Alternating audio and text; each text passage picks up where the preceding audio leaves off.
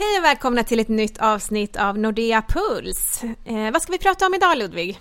Idag ska vi prata fondförvaltning med vår fondförvaltare här i Nordea, John Hernander. Eh, jag vill bara nämna att det är den första september som vi spelar in det här. Men eh, ja, vi kör igång veckans avsnitt. Ja, idag har vi alltså John Hernander här som ska prata fondförvaltning. Eh, välkommen John. Tack så mycket. Hur är det med dig då? Ja, det är fantastiskt. Det är vårdag igen här. Så. Ja, precis. Ehm, ja, men vi kan väl börja med att prata lite om vilka fonder och det som du förvaltar. Jag förvaltar tillsammans med Filippa Gerstedt de svenska storbolagsfonderna, vilket inkluderar framförallt eh, Swedish IDs, Swedish Stars och Alfa. Hur skiljer de sig åt de där fonderna då? Ja, de har lite olika mandat som man säger, alltså inriktning där eh, Alfa är en eh, svensk aktiefond med möjlighet att investera utanför Sverige också. Ehm, där vi har en negativ screening på ESG, det vill säga att vi har screenat bort vissa typer av bolag eh, enligt vissa kriterier. Swedish Stars är vår ESG-fond där vi själv har ett positivt urval, det vill säga att vi har ett specialteam analytiker som ratear bolag och talar om vilka är, tycker vi har tillräckligt hög kvalitet i sitt eh, hållbarhetsarbete. Och efter det då så väljer vi utifrån den gruppen av bolag att investera. Och slutligen Swedish IDs. Det är en, en fond som vi startade när jag började för en, en fyra år sedan. Som är en lite mer flexibel fond. Det är en fond som har lite bredare mandat. Vi kan till exempel investera upp till 15% i en aktie. Normalt är det 10% som är gränsen. Men, men, överlag så är alla aktiva på den svenska eller också nordiska marknaden. Så. Kan du inte berätta hur en vanlig dag på jobbet ser ut för dig som fondförvaltare? Ja, en vanlig dag, jag börjar med en vanlig morgon. Jag är väldigt morgonpigg så att jag rasslar ofta in på jobbet mellan fem och sex på morgonen faktiskt. För jag tycker det är, en, det är för mig en, en bra tid när det är lugnt och skönt på jobbet. Men det handlar väldigt mycket om att, att dels lära sig våra bolag. Alltså det, det handlar mycket om att förstå vad företag håller på med. Ehm, um, aktiepriser snurrar upp och ner i det korta men, men, om ett bolag, om man ska vara framgångsrik som investerare så måste man verkligen förstå vad ett bolag håller på med verksamheten. Um, kött och blod av bolaget, så vi läser mycket. Såklart vi följer med i tidningar och händer allt vad gäller konjunktur och geopolitiska effekter och så, men det handlar väldigt mycket om att läsa och förstå och lägga pussel och också få se vilka långsiktiga trender som sen då för oss vi sitter och diskuterar och det mynnar ofta ut, eller det mynnar ut när vi gör en investering i en djup analys där vi går igenom i det här och sätter ner det på pränt och också i det har en värdering och ett scenario för hur vi tror vinster och annat ska utvecklas för bolagen. Så den vanliga dag är ganska lik varandra i grunden. Men sen är det ju så att sitter man och följer aktiemarknaden, det händer alltid grejer.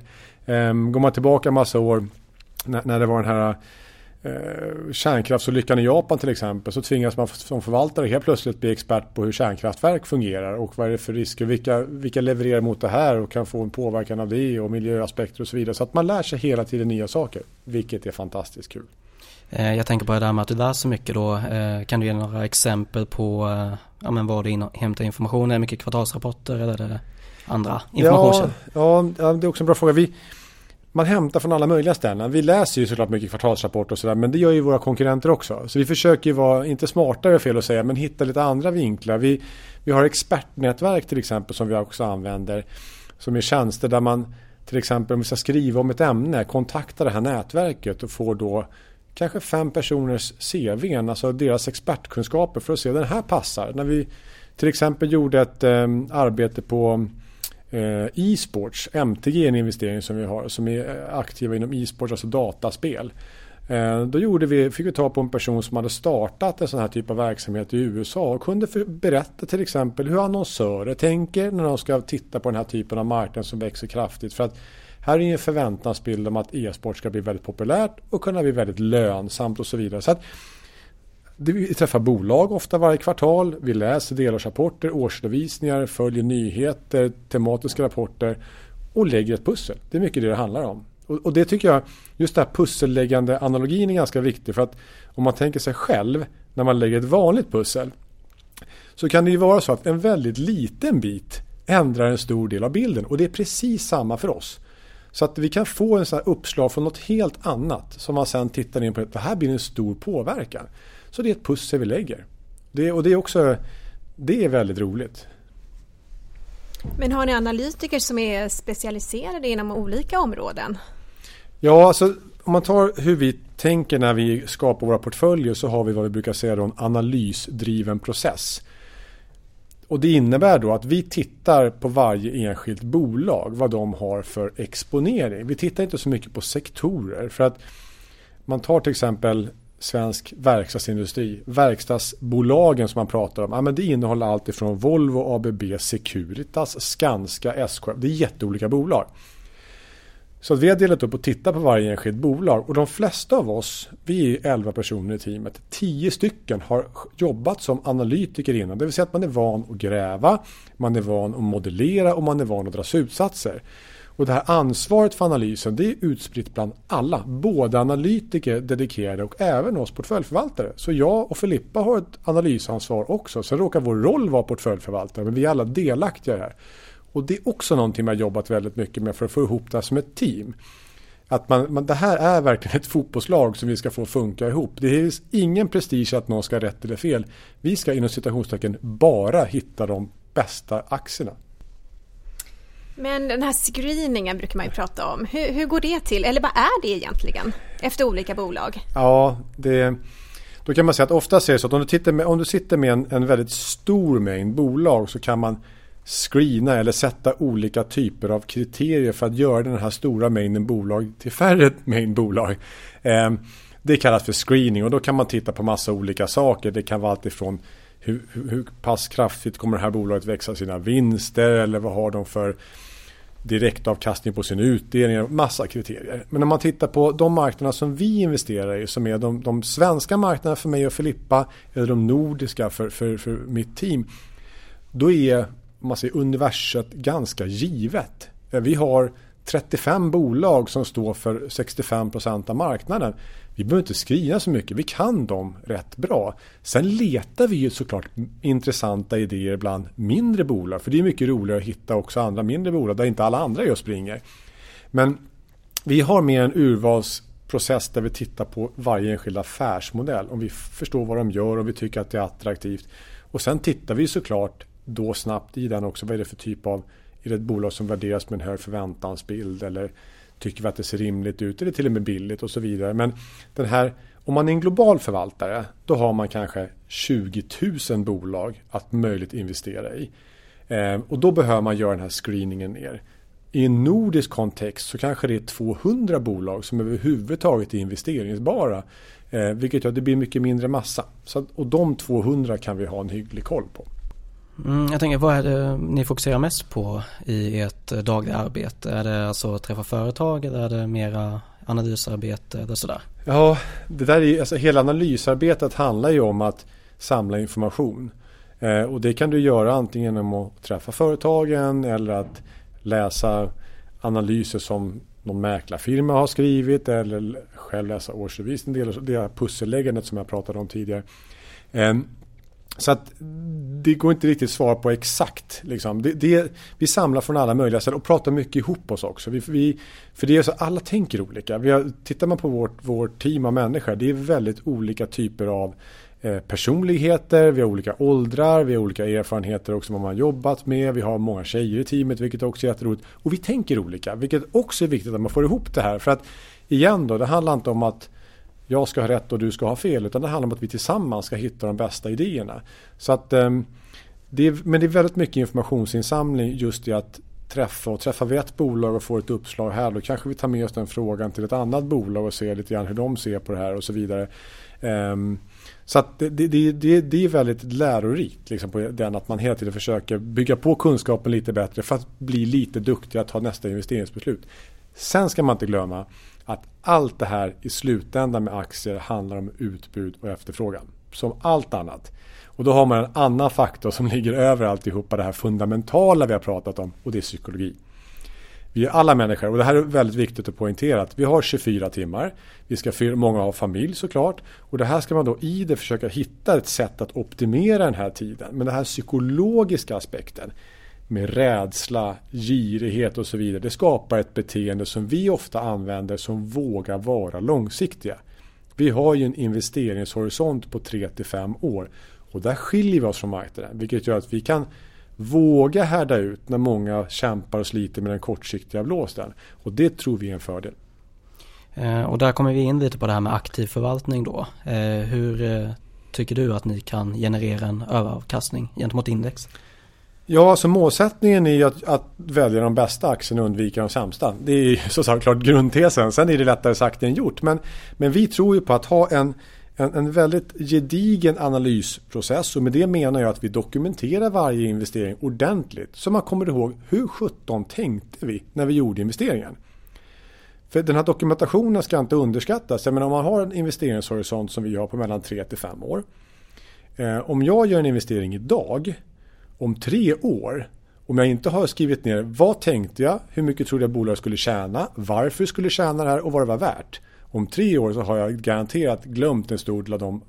Eh, och att jag dessutom som människan fungerar så finns det något, ett engelskt uttryck som heter confirmation bias. Och det spelar ingen roll om man har köpt en ny kostym eller bil eller så valt fru eller vad det är, köpt aktier.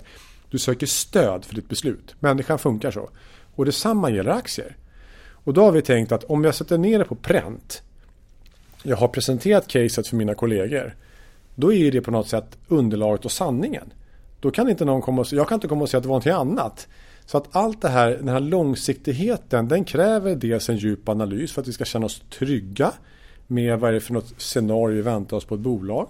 Och att vi också kan vara uthålliga i att vi liksom kommer ihåg också hur vi tänkte när vi gjorde investeringen. Eh, och det gör den här långsiktigheten tror jag att just att vi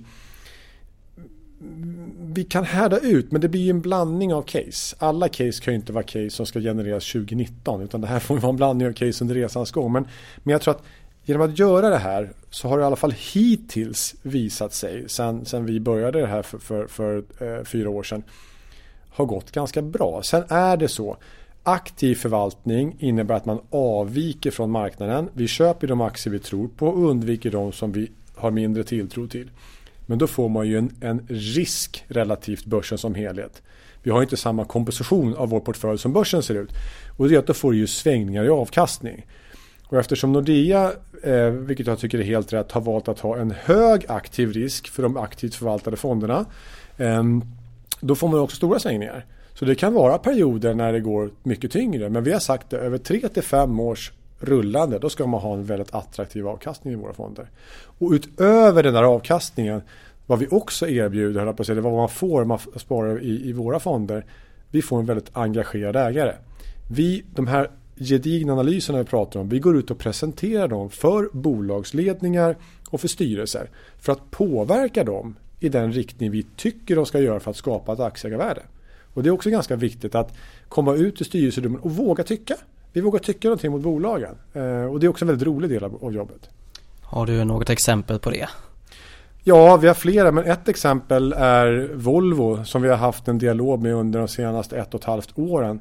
var en ganska, Eh, inte utskälld står det väl eh, att ta i, men, men det var en osäkerhet kring ny ledning kom in i bolaget. Man har haft en historia av väldigt stora fluktuationer i vinster. Det var man tjänade mycket pengar när marknaden gick bra och man förlorade mycket pengar när marknaden gick dåligt. Eh, och där gjorde vi en jättestor analys där vi gick igenom alla förändringar man har gjort och kulturförändringar och besparingar och marknad och så vidare. Och där har vi presenterat för ledning, Eh, VD och affärsområdeschefer och ledning och styrelse och tryckt ut hur vi tycker de ska kommunicera och hur vi tycker de ska sätta sina finansiella mål så att marknaden får liksom en lägre riskpremie, så man får en bättre tilltro till bolaget. Och idag så kommer man ut med nya finansiella mål som är väldigt mycket i linje med det vi har pratat om och idag är aktien upp 7 så men, men det är inte så att säga vår förtjänst men det, vi försöker se till och, och hjälpa till och kunna hjälpa till med kommunikation som bolag har och, och vara med och påverka. Och det är ett jätteroligt exempel men vi har ju fler också. Men har ni tagit in några nya bolag i portföljen det senaste året? Ja, eh, det har vi. Vi har eh, faktiskt ganska nyligen i Swedish IDs och i Swedish Stars investerat i H&M som är ett bolag som har varit eh, vi har varit väldigt försiktiga till bolaget eh, och, och ser man till att vi inte har haft några aktier alls där i de fonderna under en väldigt lång tid så har det varit om man säger, gynnsamt för våra fondandelsägare eftersom Hennes Mauritz har haft en tuff tid på börsen. Det händer ju väldigt mycket inom hela så att säga, retail-segmentet där mer och mer av försäljningen flyttas online. Eh, och där har väl H&M till en, början i alla fall inte riktigt hängt med och sen tvingats till stora investeringar vilket pressat lönsamhet samtidigt som tillväxten har gått ner. Så att H&M har varit väldigt, väldigt eh, svag på Stockholmsbörsen får man säga. Men vi tycker att nu är det ett alldeles för negativt scenario inprisat i den här aktien. Den kanske inte vänder imorgon eller ens under hösten. Men vi tycker att relativt andra aktier som vi då finansierar det här köpet med så är H&M väldigt attraktivt. Nu investerar man, man har en, en sjukdomsinsikt och man har en väldigt tydlig plan för hur man ska skapa värde här framöver. Ja, men det är ju intressant det här med H&M för det är ändå en, eh, något av en folkaktie ja. så det är många som har en relation till den. Eh, så jag tänker, ja, men hur ser du på H&M? Alltså vad är det som kommer göra att de kan konkurrera även i framtiden? Är det varumärket eller är det någon typ av distributionskedja eller sådär? Ja, alltså det, det, det är flera faktorer faktiskt i det här fallet. Dels har det att göra med att som jag nämnde så har ju mycket av, av handeln sker numera på nätet. Och där är det så att H&M kanske historiskt sett inte har haft sina IT-system på plats för att fullt liksom integrera det befintliga fysiska butiksnätverket med online.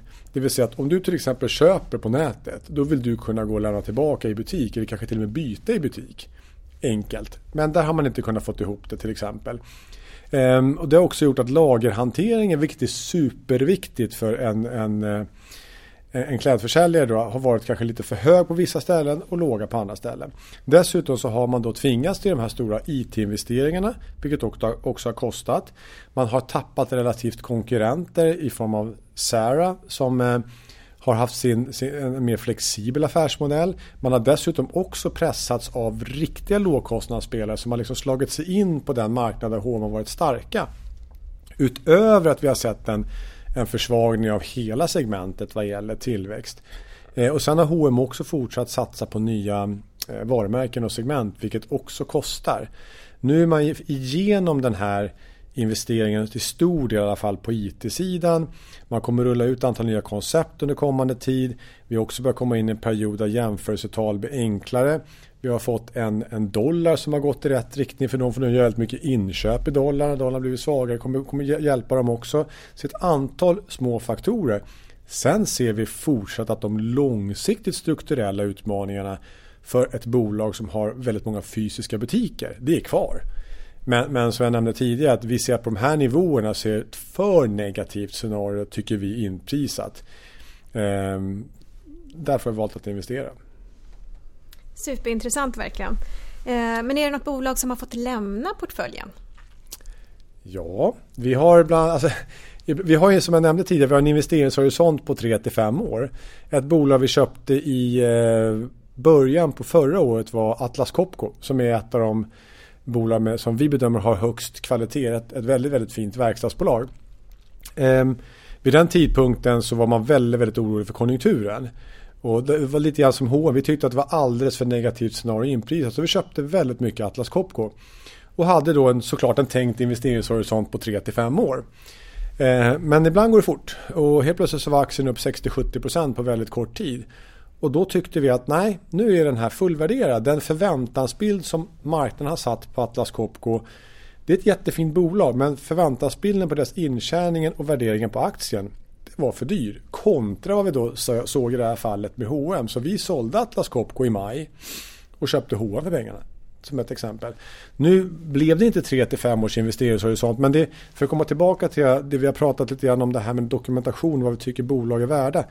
Är en aktie fullvärderad och vi ser bättre attraktionskraft någon annanstans då måste vi ta beslutet att våga göra det. Att sälja en aktie även fast eh, det har gått kortare tid än den här tänkta investeringshorisonten. Eh, jag tänker på det där med dokumentationen. Det är väldigt intressant att ni ja, men, dokumenterar och följer upp era investeringsbeslut. Men finns det checklistor för vilken typ av aktier ni vill investera i? Alltså har ni något sånt att den här typen av aktier det är det vi vill?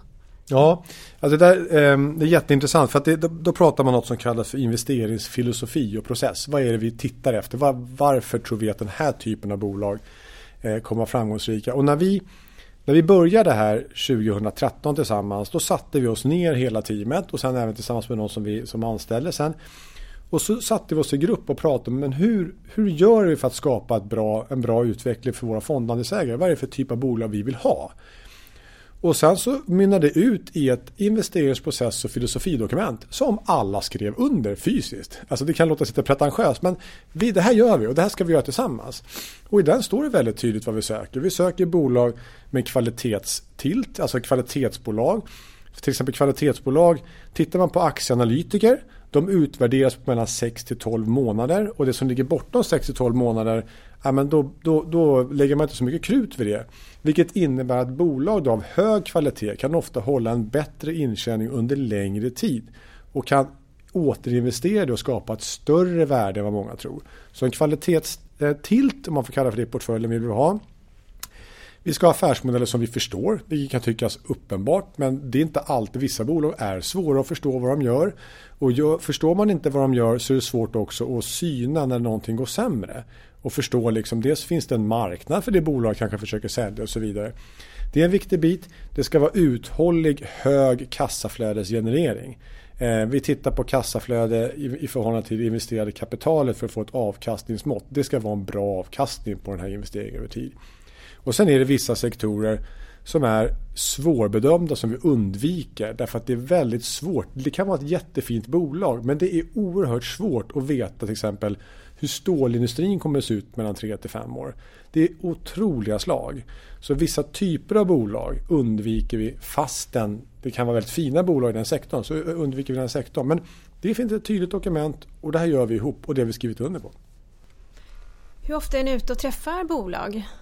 Hela tiden. Hela tiden? Ja, men alltså jag tror att eh, om man tittar på bara senaste veckan i, i de här 10-11 personerna som vi har i teamet. Då, vi har väl träffat, tror jag, tio bolag under den här veckan.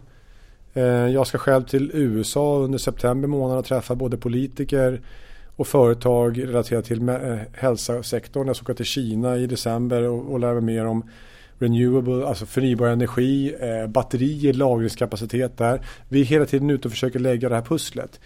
Um, men sen, jag menar om man ska vara Många av de här bolagen till exempel som vi investerar i de är ju frekvent eh, även här där vi sitter i Stockholm och kommer och hälsar på. Så att vi, eh, vi försöker ha en löpande dialog och träffa. Menar, det är svårt att ge en siffra men jag skulle väl gissa att vi har säkert minst 200 bolagsmöten på ett år.